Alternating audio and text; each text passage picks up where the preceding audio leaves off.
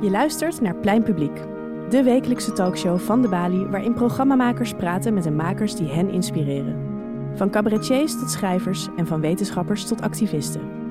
Programmamaker Kees Foukema gaat in gesprek met singer-songwriter Lucky Fons III. De afgelopen jaren is Lucky Fons in binnen- en buitenland uitgegroeid tot Nederlands bekendste en meest gewaardeerde songwriters en live acts. Met het succes van zijn plaat Hoe je honing maakt, bereikte hij een breed en gevarieerd publiek. Zijn meest recente album, Hemellichamen, kreeg lovende kritieken. Wat is de rol van taal in het werk en het leven van Lucky Fons III? En wat maakt een songtekst nou steengoed? Je gaat nu luisteren naar Kees Foukema in gesprek met Lucky Fons III.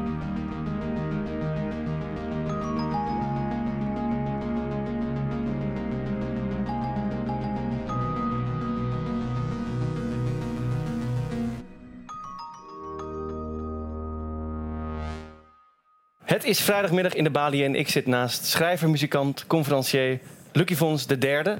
Bracht na theatertour buiten de lijnen zijn achtste album uit, alweer zijn achtste. Hemellichamen. Het album kreeg vijf hemellichamen in de Volkskrant en werd vervolgens album van het jaar in, eh, volgens NRC. En ook ik zelf kan het u eh, niet genoeg aanraden. Deze zomer stond Lucky met zijn schouwburg weer op de parade. En vandaag de dag schrijft Otto Wiggers, zoals Lucky ook heet, aan zijn debuutroman. Nu even niet, want nu zit hij hier bij Plein Publiek. eh, om met ons over zijn schrijven en zijn leven te praten. Geef hem een hartelijk applaus. Dankjewel. En ook jullie allemaal in de balie hier hartelijk welkom. Wij luisterden hier stiekem net al naar een heel mooi stukje muziek van eh, Buffalo Skinners. Of nee, van Woody Guthrie. Het nummer Ja. heette Buffalo Skinners, komt Ja. uit 1965. Mhm. Aanwezigen hier kregen het hele nummer over zich Ja. heen. Dat is een van de voordelen om hier naar de balie te fietsen voor Mhm. klein publiek. Ja. Maar binnen het smalle raam van het auteursrecht wil ik graag nog de mensen die meekijken zeven seconden laten horen van het nummer. En dan zijn ze hopelijk nog net even in de, Ja, ja, in ja. de goede stand. Daar komen ze. So we left that drover's bones to bleach on the plains of the buffalo. Ja. Wel gelijk de meest gruwelijke zin. Ja, wel een hele gruwelijke eh, zin. maar eh, ja, even een kleine correctie. Eh, we- we- het, is, denk, ik- het is niet 1965. Ik denk dat de Ah. plaat waar dit uitgekomen is misschien eh 1965. Maar het is denk ik een opname uit 1940 of zo. Ja, En het verhaal, eh, hij zingt, hij, heeft het op een gegeven moment, I was there in 83. Dat is natuurlijk niet 1983, maar 1883. 18. Ja. Ja, dus, eh, dus het is heel oud. Ehm, en ja, dit is, eh, ja, dit is dus Woody Guthrie. En eh, nou ja, hij had me gevraagd om iets eh, te laten horen wat eh, veel voor je betekent eh, Ja. als, als artiest, als het ware. ja. En ehm, daar kan ik wel iets over zeggen. Ik, eh, ik was. ehm, ik, ben, ik heb mijn hele leven al muziek gemaakt, eh, piano gespeeld. En, maar ik ben pas heel laat begonnen met het idee in mijn hoofd krijgen van. Ik kan ook liedjes schrijven. Ik kan ook zeg maar zelf een, een maker worden in de wereld van muziek. Dus Ja. ik was altijd wel dicht bij de wereld muziek. Dus ik speelde piano en ik improviseerde. En En je luisterde en waarschijnlijk. ik zong ook wel eens een koffer of zo een beetje, of karaoke of zo. En, en ik luisterde heel veel en ik was ook DJ. En op een gegeven moment eh, ontdekte ik eh, Bob Dylan. En eh, dat was heel belangrijk voor me, omdat bij Bob Dylan had ik heel sterk het gevoel... maar dit is anders dan al het andere wat ik daarvoor ken. En weet je nog precies wanneer dat was dat je Bob Dylan ontdekte? Ja, het was altijd. Het was eerst zijn naam die ik ontdekte. Er waren altijd hele. Er waren altijd. Oké, het waren altijd meisjes. Dat is altijd. Hè. En er waren altijd. Ik weet nog dat een meisje op filosofie waar ik een beetje een soort oogje op had, die begon, die zei ja, ik hou heel erg van Bob Dylan en zo. Dus ik dacht, oké, nooit van gehoord. En eh, dus ik was student. Ik was een jaar of 19. Mhm. En toen was er ook nog een eh, student Frans. En die, eh, die zei ook van ja, ik hou ook van Bob Dylan. Dus dacht ik, oh, wat is met deze gast aan de hand? Dacht ik. Ja, Ik ben Waterloopplein gegaan. Waterloopplein gegaan, eh, LP gekocht van Bob Dylan, geluisterd. En ik dacht eh, gelijk van, oké, ja, hier is echt iets mee de hand. Ik vond het gelijk heel mooi. Die, de, de manier waarop hij zong, de manier waarop de muziek klonk. En, ehm, en ook ehm, de, ja, de, de, de, de plek die teksten in, in dat, in dat eh, geheel innam. Dus Ja. de hele eh, ja, hele, de, de teksten waren echt belangrijk. En die waren ook anders dan, dan de popteksten die ik kende en zo. En eh, ik kende toen wel hip-hop en zo. Dus ik was, en ik was altijd al wel tekstgericht. En ik hield Mhm. ook wel van jaren 60 muziek. Met wat meer ambitieuze teksten. Maar en je was gewoon een heel toen ander ook eh, Engelse Ja, ik- taal en letterkunde? Ja, ik studeerde Engels eh, taal en letterkunde. Dus was ook wel heel erg met poëzie bezig. Maar dit was een van de eerste keer dat ik dacht van... oké, dit is het heeft het niveau van poëzie, maar het zit in muziek. Ja, En, want, en dat kan dus. Ja, en dat, dat kan. En toen werd ik een soort op, ja, geobsedeerd met Bob Dylan eigenlijk. Ging al zijn platen kopen en alles eh, bestuderen, luisteren. En wat je dan ook doet is... je gaat dan ook boeken lezen over hem. Weet je wel, ik koop gewoon een biografie. En dan ga je lezen. En dan staat er in het boek dat hij in het begin van zijn carrière... dat hij heel erg fan was van ene Woody Guthrie. Ja. En dat hij zijn hele stijl erop gebaseerd had. En Maar die hè, dus, eh, dus zijn van, manier van zingen, zijn accent. Want eh, hij heeft een, zeg maar, als je Bob Dylan heel vroeg hoort, heeft hij ook een soort Oklahoma-accent. Mhm. Dus dit is, eh, en dat is, hij imiteert daar dit accent van Woody Guthrie, die echt uit Oklahoma kwam. En Bob Dylan Zo, kwam zelf... Die kwam heel erg anders. Ja, ja dus, dus, en toen dacht ik van, oké, dus mijn held heeft een soort, heeft zichzelf eh, geënt op, op, op, een persoon. Dit moet ik ook horen. het was niet een tegenvaller voor dat je held zich geënt had op iemand. Nee, in tegendeel. Want Ja. dit was juist natuurlijk voor mij een soort van... eh, mijn, mijn gedachte was van, nou ja... ik- eh, nou, Oké, eerst, dat, maar dat wist ik toen nog niet. Ik dacht, nee, het was niet een tegenvaller. Ik dacht, ja, nee, want het maakt juist, het, het geeft juist de mogelijkheid dat je zelf ook, zeg maar, op slinkse wijze iets moois kan worden. Snap Ja, je? ja. Dat je ook gewoon door, door imitatie, imiteren kan iedereen. Ja. Zoals dat een, als beginfase of zo werkt. je Terwijl dan. als Bob Dylan geboren wordt, dat, dat lijkt me dus best wel pittig bijvoorbeeld. Ja, ik denk, nee, ik denk dat, niemand, dat Bob Dylan niet geboren is. Hij is echt iemand die zichzelf eh, geworden en getraind heeft op basis. Eigenlijk alleen Elvis Presley is geboren als Elvis Presley. Die kwam echt uit de hemel gevallen. Oké, dat moeten we dan even onthouden. Ja, dat, dat, dus, dat nemen we dus- gewoon van Lucky Maar daar kan je ook niks mee. Je kan niet naar Elvis luisteren en denken, dat wil ik ook. Want nou, dan had je die stem al moeten hebben. Ja, en alle imitaties van Elvis, die zijn ook meteen... Dat is ook meteen nee, leeg. nee, precies. Het kan niet. Dat kan niet. Het is een soort, van- ja, dat is een soort perfectie waar we gewoon, ja, gewoon een soort natuurwonder. Daar heb je niks aan. En Dylan had En- Guthrie. Ja, en Bob Dylan, die, dus ik, ging, ik las in zijn biografie dat Bob Dylan obsessie had met Woody Guthrie. En in mijn hoofd was dat idee van, oké, hij heeft een obsessie met Woody Guthrie, zoals ik een obsessie heb met hem. En toen ging ik dus ook zijn, eh, kocht ik een dubbel cd van Woody Guthrie. En dat zet ik thuis op. En toen hoorde ik dus dit, wat we net hoorden. Buffalo Skinners. Ja, en ik, het was echt voor mij een soort van eh, bijna een schok, omdat ik dacht van, omdat in één keer leek het alsof er iets veranderd was in me. En ik dacht van, ja, hier met deze muziek moet ik iets en het gaat mijn leven veranderen. Mhm. En ook de relatie tussen wat ik bij Bob Dylan hoorde en bij wat, want ik hoorde gelijk van, oké, hier heeft Bob Dylan de mosterd vandaan. Ja, Gewoon, want de teksten zijn heel ambitieus. Ik bedoel, dit is geen poptekst. nee. Het is een soort van, bijna een soort van film die wordt naverteld. Het is bijna een soort het verhaal van een roman. En ook heel, het zit ook vol met zulke grimmige details. Wat, dat, die, die, wat je net liet horen, dat stukje. We left the drover's bones to bleach on the trail of the buffalo. Ja. Weet je wel? Ja, wat We is dat? Ja, de, de regel daarvoor is, de cowboys, dus die cowboys krijgen, komen terug met te weinig buffels. Mhm. Eh, en die, die, die, eh, op- die man die hun eh, gefinancierd heeft is boos. Want die zegt van jullie hebben niet goed, genoeg buffelheid teruggebracht. Maar dan zingt hij... But the cowboys never had heard of such a thing as a bankrupt law. So we left that drover's bones to bleach on the trail of the buffalo. Ja, dus Met andere die, woorden, die we man lieten zijn zijn botten, botten... bleken. Ja, ze vermoorden hem. Ja. We hebben ze, we laten, zeg maar, dat zingt hij. Zijn In het- in botten- de laatste zijn- 10 seconden van het ja, en die, ja, het is heel, heel agressief. Zo die Ja. botten liggen nu te bleken daar ergens op dat pad van die, waar die buffels zijn. Ja, en, en, En- en kort daarvoor is dat nummer, heeft het een soort van pulserende hypnotisch effect. Ja. En dan is het opeens heel macaber. En Ja, ja, precies. Ja. Maar ik vond dat dus gewoon zo geweldig. Dat ik dacht van, oh ja, oké, dit kan dus. Dit kan je met songteksten doen. Ja. Ik dacht, dit is een verhaal. Dat ken ik alleen uit films of, uit, of in een roman verwacht je dat of zo. Maar hier is gewoon, hier doet hij het in drie minuten. Ja. En met, een he- met één akkoord. Het is één soort van mineurakkoord. Je hoort alleen maar tun, tun, Ja, het heeft ook een beetje een cowboy ritme. Tun, tun, tun, tun, Ja. tun, tun, tun. Of een beetje, Maar ook dan een beetje de- zo'n woestijngevoel. Alsof je op een kameel zit. Maar dan een soort ijzingwekkende versie. Ja, ja. En, ja en, en ik dacht toen... Maar ik dacht ook van... Ja, dit is wat Bob Dylan... die heeft het natuurlijk ook gehoord... en dacht van, what the fuck? ja. Hier moet ik iets mee, weet je wel. Dus toen... Maar toen dacht ik ook van, oké... dan heb ik ook een ingang om singer-songwriter te worden. Als ik me gewoon end zoals Bob Dylan, zoals Bob Dylan zichzelf geënt heeft op Woody Guthrie, dan zijn we één lange trein. En dan, en dan op een gegeven moment. eh, op een gegeven moment dan heb je zat van die imitatie en dan word je jezelf. En dan word je jezelf. Ja, of waar je, Picasso heeft wel eens gezegd van eh, op, waar je faalt in je imitatie, dat, daar word je jezelf. Ah, dus wat, wat niet lukt in jouw ente, Ja, dat is eigen. ja. En dat, dat, ja, precies. Dat En is, dan- jouw- en ja, dat is goud. Dat, is juist het moment dat je jezelf wordt. Het is natuurlijk niet de bedoeling dat je de rest van je leven een epigoon of eh, wordt. Ja. Weet je wel, een imitatie. Dat is ook natuurlijk een val waar je in kan vatten. Maar ik geloof wel in dat idee. Dat je jezelf eerst zeg maar gewoon meet aan je voorbeelden. En hun dan als een.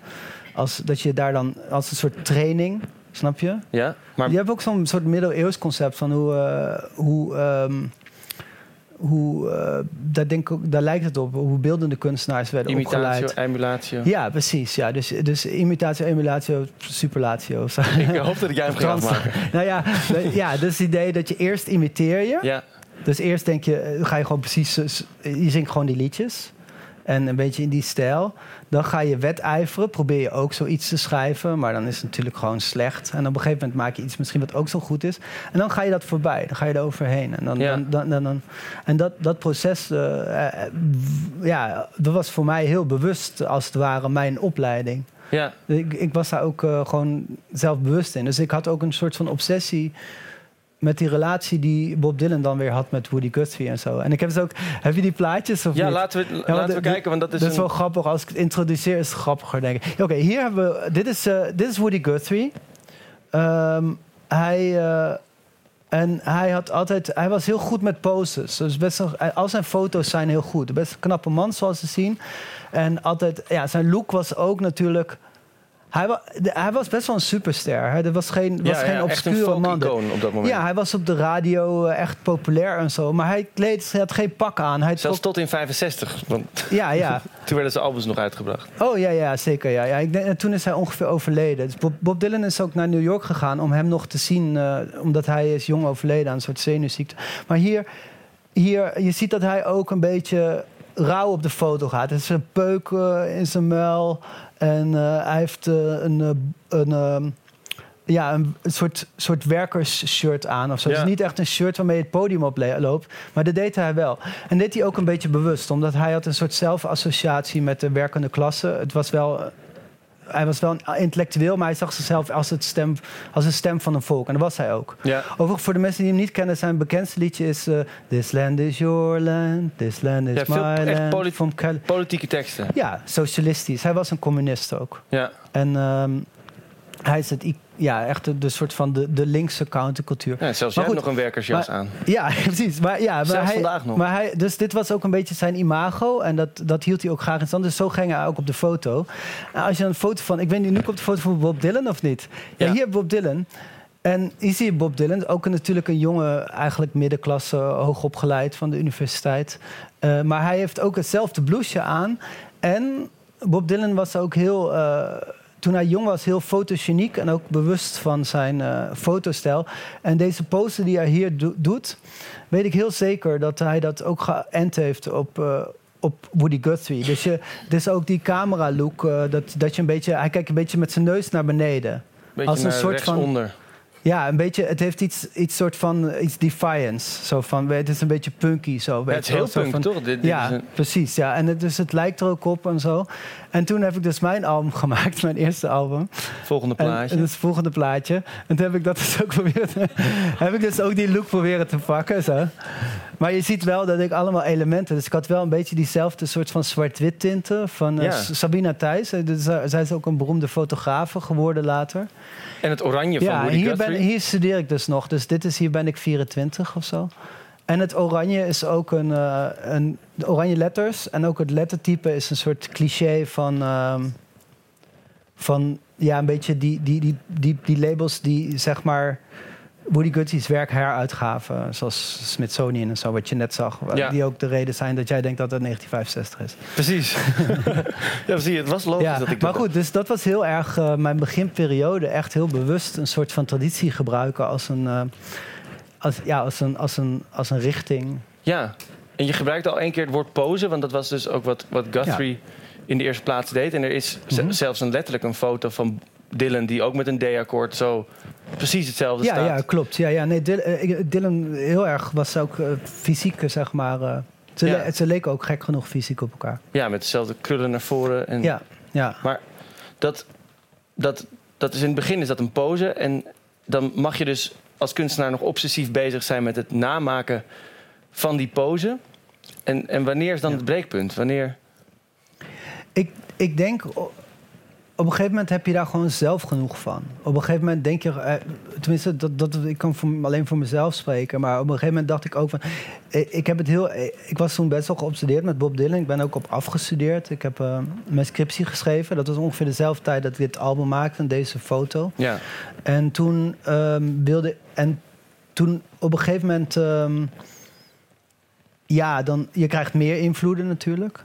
Mhm. Weet je wel, er, waren toen, er kwam toen bijvoorbeeld op dat moment waren er ook een aantal singer-songwriters van mijn eigen leeftijd die populair werden. Eh Bright Eyes, Defender Benhart, Anthony van Anthony and the Johnsons en zo. Dat soort, dus dat waren eigenlijk eh, ja, eh, mannen, vrouwen van mijn leeftijd. En Joanna Newsom, die, die, die ook eigenlijk gingen werken vanuit die traditie van die Amerikaanse traditie van de folkmuziek en Ja. zo. Coco Rosie was er ook. Ik, ik weet niet of al deze namen hier wat zeggen, maar Niet allemaal. nee, oké. Maar gewoon allemaal. Maar gewoon- ongetwijfeld in het publiek. eh, nou ja, ik zag, gewoon, ik zag gewoon eh, mensen op het podium van mijn eigen leeftijd hele interessante dingen doen. Waarvan ik duidelijk was dat ze ook echt wel goed naar Bob Dylan hadden geluisterd. Maar die tegelijkertijd ook een eigen stijl hadden. Ja, En dan op een gegeven moment denk je van ja, ik wil ook een eigen stijl. En een eigen stijl is ook iets wat je niet kan helpen als je integer bent. Snap je wat ik bedoel? Is ook wat bedoel eigen- je dan met integer in dit geval? nou ja, zeg maar, een eigen stijl is, is, is, is een soort van. eh, is de nullijn. Je, je hebt je eigen stijl. Je moet Ja. eigenlijk je best doen om het te verliezen, als het ware. Ja. Het is niet. Wordt dat eigen stijl wordt dat voorgesteld als iets wat je. een soort van moet ontwikkelen. of waar je, achter, waar je naar moet streven of zo. Maar het is het tegenovergestelde. Het is iets wat je hebt en je moet zorgen dat je het niet kwijtraakt. ja, Zeg ja. maar. dus eigen Want stijl is zelfs helemaal geen, noods, dat is helemaal geen noodzakelijke conditie voor integ- integriteit. Mm, Ik denk, nou ja, de eigen stijl ja. behouden is denk ik. Dat, dat, gewoon dat je, ja, ik denk dat je. Ja, even kijken, hoe kan ik het uitleggen? Kijk, in mijn pogingen om zeg maar iets Dylan-achtigs te doen. of iets in de stijl van Woody Guthrie, dat is me nooit gelukt. Nee. Dat is me nooit gelukt. En de reden dat het me niet gelukt is, is dat ik heb mijn eigen stijl. En die eigen stijl die voert vloor, voort uit je, uit je DNA. Uit alle muziek die je gehoord hebt, maar ook, ook, de, ook de tijd waar je leeft, de omgeving waar je leeft. En wat je allemaal nog meer interessant is. En je, en je vrienden, wat je meemaakt. En wat je, je eigen zielsleven en zo. Dat, als het goed is, zijpelt dat gewoon zo door naar je Ja. gitaar. En, dan, en dus dat weerhoudt je af om alleen een epigoon te zijn, zeg maar. Ja. Dus dat, en dat, ja, dat, ik denk dat eh, als je integer bent, dan laat je dat gewoon toestaan. Ja. Dat je gewoon, zeg maar, be- begrijp je wat ik bedoel? Integer zijn is volgens mij meer gewoon dat je tegen jezelf zegt, eh, dat je niet tegen jezelf zegt van doe dat niet. Nee. Als je eigenlijk in integriteit, als je er nooit over nadenkt, ben je per definitie integer. Ja, Begrijp je wat ik bedoel? dan bevraag je het niet. ja. Maar wat mij dus wel best wel eng lijkt, is als je heel obsessief en best wel bewust kiest van dit is hoe Bob Dylan heeft gedaan, dit is de, dit is de methode Dylan. Hij Ja. kijkt naar Guthrie en ik kijk nu naar Dylan op dezelfde manier. Ja. Ik wil dat ook. ja. Eh, ben je dan niet bang dat je juist iets van jezelf verliest? Dat je, dat je er zo vol voor gaat? Nee, Wat want je, nee, want- je nee, want daarin- schepen. Nee, want daarin heb je Bob Dylan toch als een voorbeeld. Hij is toch ook eh, iets anders gaan doen dan Woody Guthrie.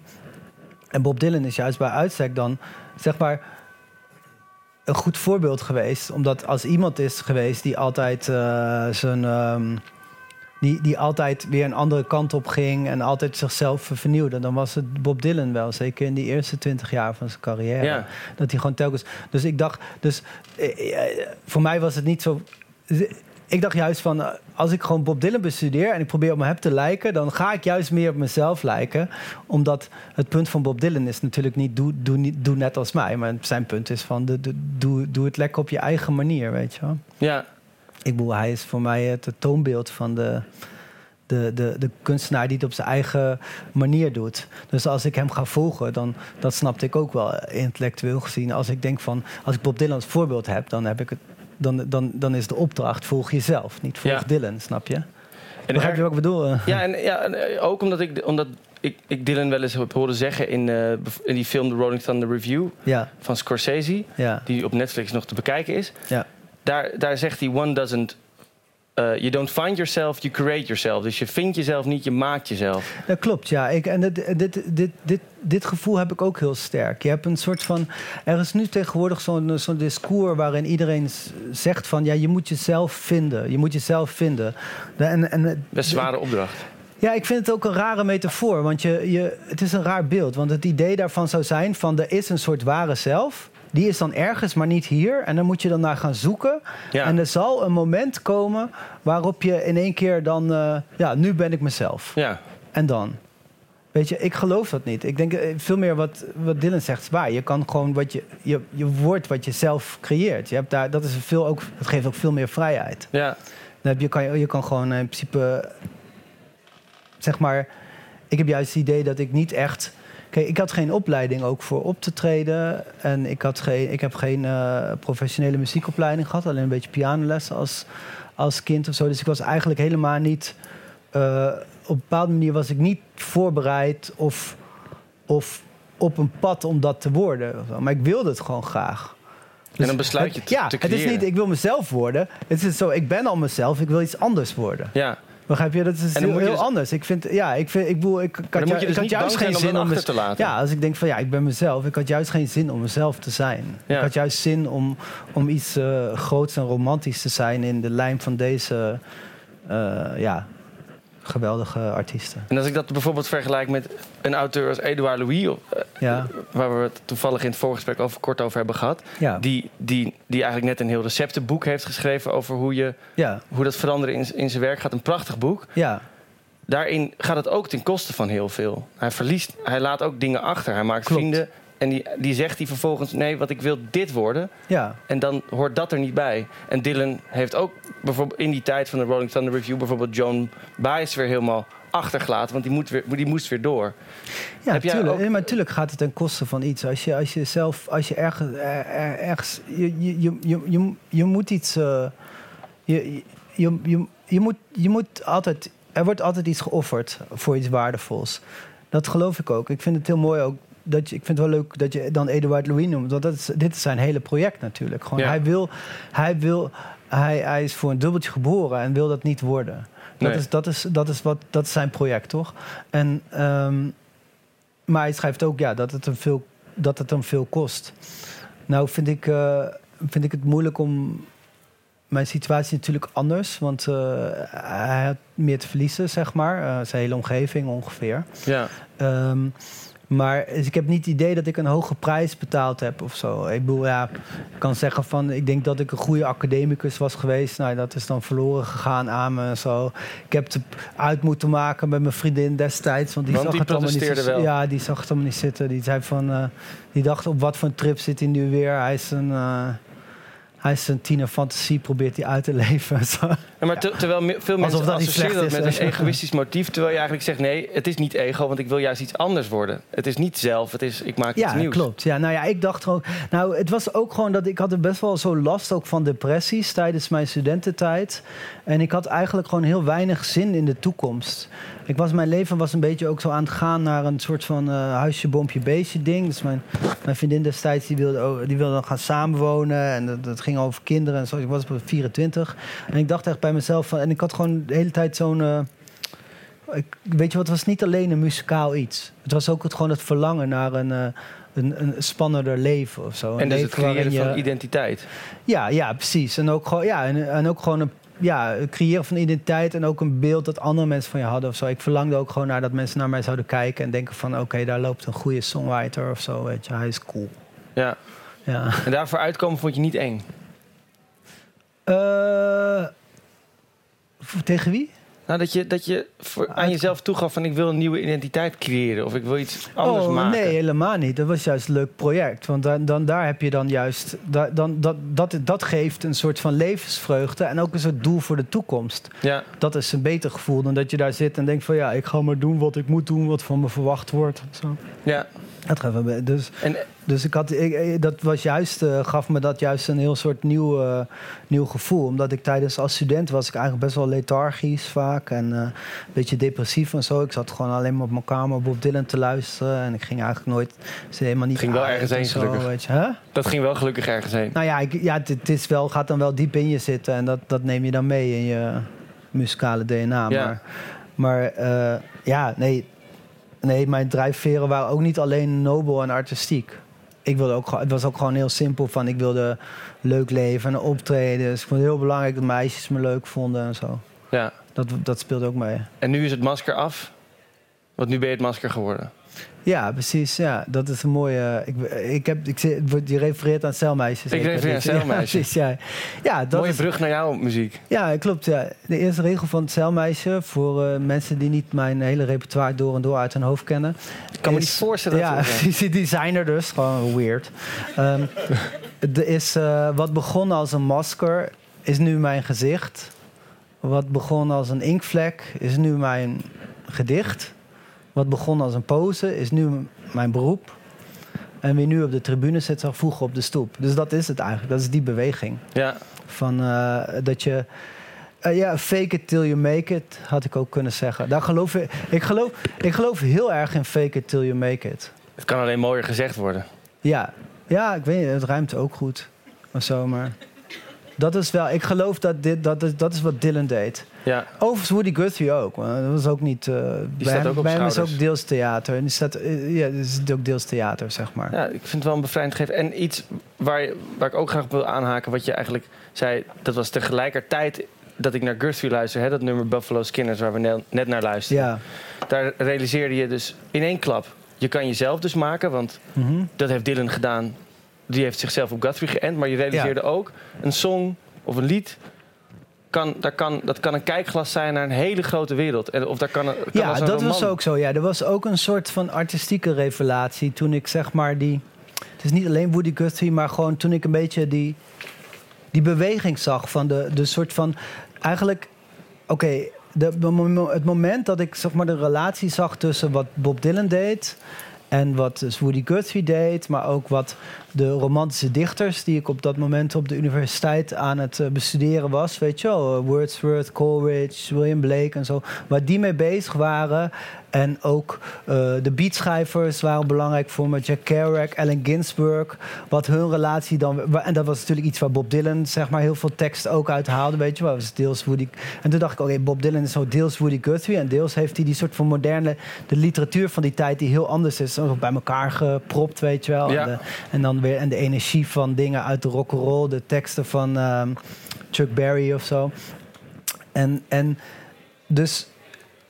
En toen ik op een gegeven moment zag al die lijnen, was het echt zo van: wow, ja, dat is het gewoon. Je kan gewoon de, de, de, de, de, stippels eh, aan elkaar tekenen en dan komt het eruit.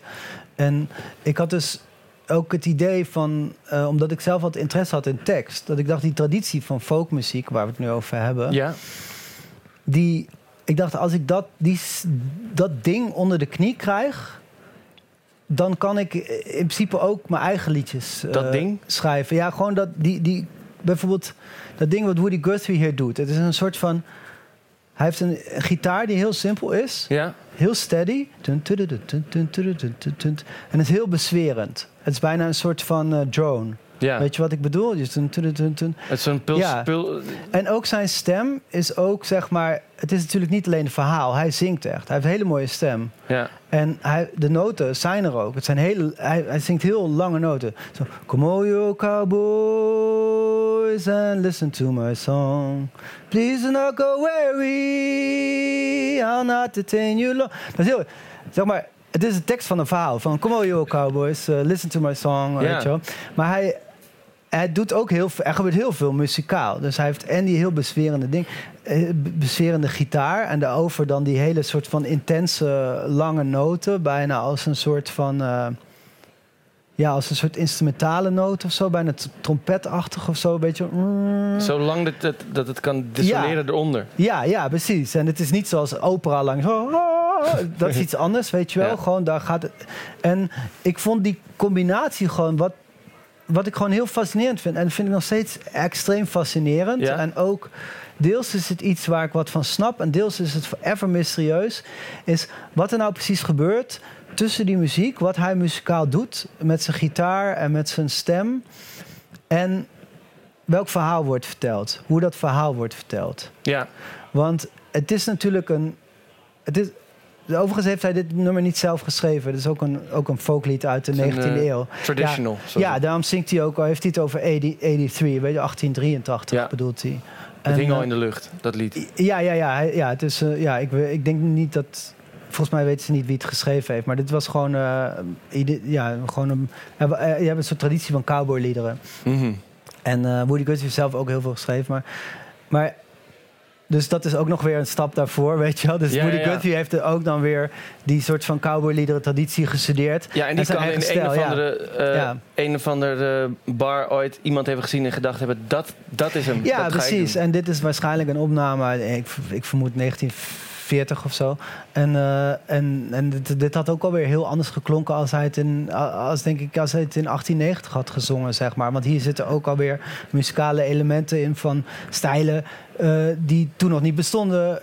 Die in 1940 wel bestonden en in 19 in 1890 niet, de blues en zo. Maar goed, dit is dus hoe ik de hele tijd eh, over, erover nadenk. Ik dacht gewoon van, oké, het klikt allemaal in elkaar. Ja, En ik moet gewoon voor zorgen dat ik zelf ook dat onder de knie krijg. Dat ding dat je... Dat je wist wel maar- dat gaat lukken. Hm? Je wist wel dat gaat me lukken. Nee. Eh, ik dacht bij mezelf, ik geef me dezelfde tijd. En als het niet lukt, dan eh, ga ik weer... Want ik werkte toen een jaar als eh, leraar Engels op een middelbare school. En ik had een aanbod om te gaan promoveren. aan de UvA hier. En ik heb er allebei nee op gezegd. Omdat ik dacht van ja, ik ga nu volledig voor de muziek kiezen. En dan gewoon... Als een soort zakenman heb ik ook een soort eh, plan opgebouwd. Van nou, de eerste drie jaar heb ik schulden en zo. Ja, En dat was ook zo. En dan, ja, ja, weet je wel. Dus ik heb het heel erg zo echt als een- law. ja, ja, ja, geen bankrupt law. En, en, dan, en, en, eh, en toen dacht ik, eh, ik ga dit gewoon drie, vier jaar proberen. En als het dan echt niet lukt, dan, eh, ja, dan, eh, dan kan ik in ieder geval zeggen dat ik het geprobeerd heb. Ja. Dan is het niet zo, want mijn angst was dat ik dan op een gegeven moment 30 zou zijn en denken van, oh my god, ik had een moment waar ik eh, misschien dat had gekund of zo. Maar het was of, of 40 of 50 of zo, weet je wel. Dat ik dacht dat ik dan zou denken van, oh, ik, had, ik heb het niet geprobeerd. Maar vanaf het moment dat ik ging proberen, werd het heel snel duidelijk dat het gewoon, ja, dat, dat ik er gewoon voor geknipt ben eigenlijk. ja, Ja, want de eerste keer dat ik optrad was natuurlijk ook, eh, had ik alleen nog maar covers. Ik zong liedjes van Bob Dylan en Hank Williams en Ja. eh, dit nummer ook. En, eh, ook de Buffalo Skinners. ja, ja. En, en want dit zijn ook makkelijke nummers om te spelen. Het is één akkoord, hè? Ja, Als je dit op gi gitaar wil spelen, als je dan gewoon... kun je vandaag nog beginnen. Ja, ik, ja, heb je vanavond nog wel eens één Ja, YouTube dit kan u van- vanavond ook. Ja, Nee, nee, nee. ja. En dan... En dan en, uh, maar toen ik op het podium uh, kwam te staan met die koffers... en ik zong ook op straat toen veel of zo... Ja, En toen, uh, toen ik op straat zong hier in Amsterdam... toen kreeg ik ook al gelijk heel veel geld of zo. ja. Dus dat ging wel goed. Ja, ik begon gewoon te zingen. En dan, en, en dan elke als een obscuur Bob Dylan nummer, eh, zeg maar. Als je dan hit, dat is grappig, als je dan hits zingt, dan krijg je af en toe zo een 50 cent of uh, weet je wel, soms een euro. Maar als je dan heel obscuur Bob Dylan nummer zingt op straat. Dan geeft dan één iemand nee, voor 100. Dan geeft, nie, dan, geeft nie, ja, dan geeft niemand wat, maar er komt één guy van, oh maar komt zo'n Dylan nerd langs en die legt gewoon een tientje neer. Ja, Ja, waar. dus dan kan je, Ken, ja, kan kennen je we wel een paar ja. En, want, En dus toen, toen, ja, dat is nu, eh, ja, dat, dat, dat dat was gewoon best wel snel duidelijk dat ik dat heel leuk vond en dat mensen het ook van mij leuk vonden. ja, en dat, dat je dus geknipt ervoor was. En, Ja, en ik vraag me nog één ding af, want en misschien is dat meteen een dubbele vraag, maar kan jij zien als je naar Bob Dylan's nummers kijkt, want bijvoorbeeld eh, North Country Blues op, zijn eer- eer- op dat, Ja. het eerste album, daarin kan je heel erg veel Buffalo Skinners horen. Ja. Ehm, wat zeg je? Tweede, album? tweede, album. ja. ja, het gaat niet goed. Die, eh, ik ben blij dat jij er bent. Ja. Daarin kan je heel erg nog de, de Woody Guthrie horen. Ja, En is er een moment voor jou, hier, la- hier, ja. gaat hij echt vliegen. Hier, hier laat hij het los, is hij zichzelf. ja Of- of- vind ik wel. Ja, ja. Op, op een gegeven moment uh, er is een soort van. want dit is waar op zijn eerste album, debuutalbum, daar zingt hij heel erg nog in deze stijl en zo. En er zit eigenlijk één nummer op, dat heet ook. eh, eh, dat, dat, dat, dat, dat- waarin hij Woody Guthrie noemt ook. Hij zegt: Hey Woody Guthrie, I wrote you a song. Als een muze. Ja, About a Funny Old World. Ja, het laatste nummer op zijn eerste album is een soort van... eh, zegt hij eigenlijk tegen Woody Guthrie. En daarin zegt hij al van... De laatste regel is... The last thing I want to do is to say I've been hard traveling too. En hard traveling is een liedje van Woody Guthrie. Dus hij zegt er eigenlijk al... Hey Woody Guthrie, je bent mijn held, maar ik ga ook iets anders doen. Op zijn eerste album al. Terwijl hij op dat moment nog niet die imitatie eh, overstijgt. Het is ook niet zijn beste album. Maar bij Bob Dylan, als hij op een gegeven moment gaat eh, schrijven van eh, Hard Rain's Gonna Fall en zo, dan is het wel ook. Als hij, als hij op een gegeven moment die, die, die, die, die, die beatpoëzie, die Amerikaanse poëzie Ja.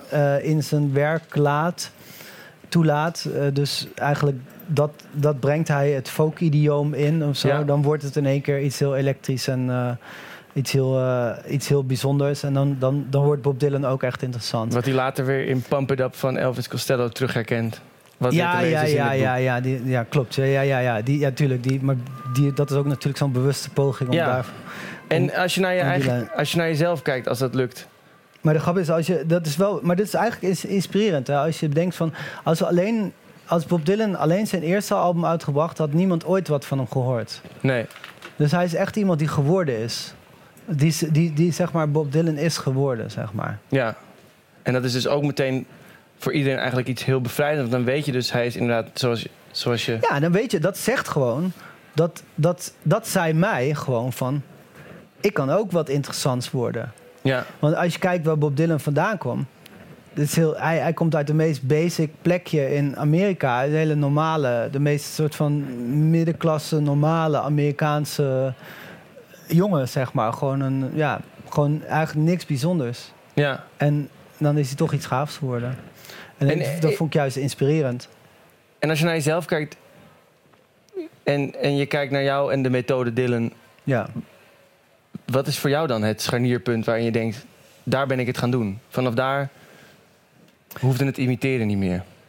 Mm, nou, dat is wel een goede vraag. Ik heb op mijn allereerste album staat zo'n nummer. eh, dat heet Little Children. En zo, als ik het nu hoor, denk ik echt van, yo, daar ben ik echt aan het imiteren. Daar ben ik gewoon tekst aan het schrijven. Waar ik, in, dat ik denk van, ik moet een tekst schrijven die een beetje Dylan-achtig klinkt, want dan is het goed. Ja. Ik hoor mezelf dat denken als ik die tekst hoor, weet je wel. Maar eh, er staat ook een nummer op, het, op, op datzelfde mijn eerste album, dat heet eh, Ballad of the Lighthouse. Dus dat is uh, Ballade van de Vuurtoren. En dat is natuurlijk, dat is deels heel erg zelfbewust in die folk-traditie. Anders noem je het ook niet ballad, weet je wel. Nee. Ballad of the Lighthouse is toch een beetje alsof je laat Ballads zien... of zo the van, Dust Bowl heb ik... eh, ja, precies. Ja, ja, ja. De Woody Guthrie had ook, was ook beroemd om zijn ballads, zeg maar. Ja. En het idee van, dit is eigenlijk ook een ballad. Het idee van een ballad is een soort verhaal is. En dan zonder per se een refrein, maar echt een... eh, het is meer dan gewoon wat eh, zinnen achter elkaar. ja. En dus in die zin is het dan wel nog heel erg zelfbewust in die traditie. Maar het nummer was gewoon geïnspireerd op eh, ja, de een vuurtoren op een eiland waar ik graag kom, op Vlieland. En eh, ik had toen gewoon het idee gehad van ik zing een lied vanuit het perspectief van de vuurtoren of zo. Dus kijk, Woody Guthrie was ook geen cowboy, maar hij zingt hij wel een lied vanuit het perspectief van een cowboy. Maar op een gegeven moment ging ik dan denken van, nou, als je vanuit de cowboy kan zingen, dan, dan kan ik ook wel vanuit de vuurtoren zingen, snap je? Dus dat ja. is, en wat voor een? ja, en vanuit de. Ja, en dan. En dan. En dan, dat is dan een idee dat je zelf hebt, snap je? Ja. En dat, is, dat heb je dan zelf bedacht. Want Bob Dylan heeft geen één nummer over waar hij zingt vanuit een vuurtoren. Heeft hij gewoon niet. Nee, nee wat een loser. Ja, inderdaad. Ja, Dat- maar ja. ik- ja. Kun je, over- je kan er veel over de man zeggen, maar dat heeft hij gewoon niet. Ja, nee, maar, maar snap je wat ik bedoel? Als het- dus dan zat ik zelf op de eiland, kijk naar die vuurtoren en ik zie die vuurtoren. Ik denk van, ik kan ook wel een liedje zingen vanuit die vuurtoren. En, denk- en dan ga je denken van, wat is interessant aan die vuurtoren? Wat is anders? En dacht, nou, het is nogal, zeg maar, de meeste vuurtoren zijn heel groot. Zoals op de Schelling heb je Brandaris, gigantisch eh, ding. Maar op Vlieland is die vuurtoren heel klein. Maar hij staat op een heel groot, eh, heel groot eh, berg. En toen dacht ik, zo voel ik me ook een beetje. Ja. Ik ben nog maar klein, maar ik sta op de schouders van de reuzen Woody Guthrie en Bob Dylan. Snap je wat ik bedoel? Ja. Dus ik dacht, nou, daar kan ik iets mee. Daar kan je iets mee. en, dan, en dan ga je dat... eh, en dan, nou ja, dan heb je... Dan ben je gewoon creatief aan het denken. Dan ben Ja. je zelf ideeën aan het krijgen en zo. Dus ik denk dat... Dus, de, dus dat nummer heeft al wel mijn eigen stempel. En, en dat zou ik ook nu nog durven zingen. Ja, En oh, terwijl, dat is ook een terwijl bij die eikpunt andere natuurlijk. nummers, eh, ja, terwijl, terwijl die, dat andere nummer eh, daarvan, eh, ja, dat, dat is eigenlijk jeugdzonde is een groot woord. Want het is eigenlijk wel een mooi lied, maar het is niet zo waardevol als Ja. Ballad of the Lighthouse. dan. En over bergen gesproken, waar vuurtoons op staan. Een van de nummers op jouw laatste album, Hemellichaam met de Berg. Ja, Ehm, daar ben de berg, daar ben je opgekropen in dat nummer. En aan het eind zeg je ook ik, ik, er, ook, ik er ook mag zijn of zij mag. Ja, ja, dat past in het, in het rijm wel. Ehm, heb je het gevoel dat, dat, ehm, dat daar veel samenkomt? je bedoelt in die regel of zo? Ja. Nou, Dat je jezelf gemaakt hebt en dat je denkt, nu ben nee, ik er. nee, ja, nee. Nee, eigenlijk niet. Want je suggereert nu, Nee. zeg maar, een beetje van... Er is een, er is een soort van... Eerst ben je een soort eh, niks en dan ga je imiteren... en dan ben je, nu ben ik dan een soort van Lucky Fons de derde of zo. Maar dat, en dan, dan ben je jezelf, als het ware. Maar nu verval je in dat eh, discours waar ik net zo tegen tekeer ging. Ja, graag. Want ehm, ik, ik, geloof niet, ik geloof dat dat gewoon altijd doorgaat. ja. Want ik moet. Ik heb ook nooit het gevoel dat ik achterover kan leunen en dan denk van, eh, nou, nu heb ik het wel gemaakt. Ik, ben wel tevreden over een nummer als De Berg of zo. Maar ik bedoel, dat is dan in de wereld en dan. En ik kan het zingen live en dat, dat doe ik graag. Maar dan is er alleen maar dat er een nieuwe opdracht voor me ligt. En dan moet ik weer een nieuw lied schrijven en zo. En ook ben ik altijd. Ik verander ook steeds zelf. Dus ik verander van binnen. Mijn leven om mij heen verandert. En ehm, ik, dus ik moet ook wel dan. Dat, dat, ik, dan daardoor verandert de muziek ook. Al, of je wil of niet, zeg maar. Als je, je, de, de, de mate waarin je kiest. Je kan, wat je precies doet, is, is ook beperkt. Begrijp je wat ik bedoel? Ja. Bijvoorbeeld de, de thematiek van mijn liedjes of zo is niet iets wat ik kies. Dat ik denk van nou, ik ga nu een album maken over vuurtorens of over eh, liefde of zo, weet je wel. Het, het, het, thematiek is iets wat, wat zich een beetje ontsluit. Als ik iets schrijf, als vaak als ik zeg maar bijvoorbeeld bezig ben met liedjes schrijven, en ik, ik schrijf dan heel veel. Ik schrijf ook mm, bijna elke dag schrijf ik wel wat. Ja, nu dan is het proza. Maar ehm, en dan vaak zie ik dan achteraf pas. Oh ja, da- dit zijn de dingen. eh, dit zijn de thema's die eruit. eh, uit, uit, uit, uit ontstijgen. Achteraf wordt het Ja, duidelijk. achteraf wordt het duidelijk. En dan is het, ja, het is een beetje dat ding waar het hart van vol is, loopt de mond van over. Zo- Ja, de- de- Voordat dat- het harder door met de pen, ja, voordat, voordat, je, voordat je het door hebt. Dus ik kan wel. Ik denk ook dat ik kan ook helemaal niet zo werken. Ja, Al, ik, weet je wel, ik, ik probeer dat wel telkens. Het mislukt elke keer. ja. Dat ik gewoon zo'n wild idee heb van... nou, nu ga ik dan een, eh, eh, een, eh, een serie liedjes schrijven over... Over dit idee. Ja, over, over dit idee. Misschien een... bijvoorbeeld een, weet je, een concept of zo, weet je wel. Ik had op een gegeven moment had ik het idee, ik ga een... eh, ik heb op een gegeven moment een soort conceptalbum proberen te maken over oorlog. eh, Een soort van elektronisch... Ik dacht, ik ga een soort side project. En dan Ja. ga ik een, ga ik een eh, soort van met allemaal rare beats. En dan, eh, dan daarover eh, eh, stukjes met, die over oorlog gaan. Ja. Ja, het lukte gewoon En dat niet. werkte want- gewoon niet. Nee, want het voelde gewoon alsof ik een soort van onderwerp had ge- ge- ge- gekozen... waar ik dan de hele tijd aan moest vo- voldoen. En de ideeën die... mo- eh, die, die, protesteert ideeën-. Nou ja, die ideeën die, wel, die gewoon spontaan hebben opkomen... daar kon ik toen niks mee. Maar ja, het gaat niet over oorlog. ja. Ja, snap je? En, terwijl eigenlijk denk ik juist wel vaak dat, dat... Ik heb zelf wel het gevoel dat de beste dingen altijd ook wel een beetje voorkomen uit die...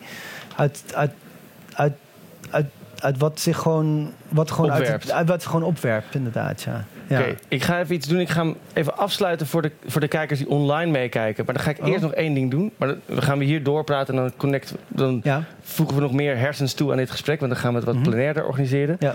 Maar eerst nog even één vraag. Want volgende week zit hier Florentijn Hofman, beeldend kunstenaar. Oh, En we doen in het plein publiek een doorgeefvraag. Ja. En ik vroeg me af, wat zou je aan hem willen vragen? Ehm, wel, is hij beeldend kunstenaar? Ja, hij maakt van die grote eh rubberen badeenden die liggen in havens over de hele wereld. Oh ja, die. Ja, ja, enorme badeend. En, Ja. ja. enorme, enorme beelden en ze staan altijd in de publieke ruimte en eh, nemen ook veel ruimte. Mhm. Wat zou aan hem willen vragen? Of hij het FM-spectrum ook als publieke ruimte beschouwt. Kijk, die vraag en meer volgende week in Plein Publiek. Ik dacht Dus dat zover- hij gaat muzikanten vragen. Echt een muzikantenvraag. Dus eh, voor zover de, de mensen die via lineaire tv zijn ingeschakeld. We zien u de volgende keer. Dit was Plein Publiek met Lucky Fonds in gesprek met programmamaker Kees Foukema. Over twee weken kun je weer luisteren naar Plein Publiek. En dan is kunstenaar Florentijn Hofman te gast. Wil je nou zelf een keer naar Plein Publiek?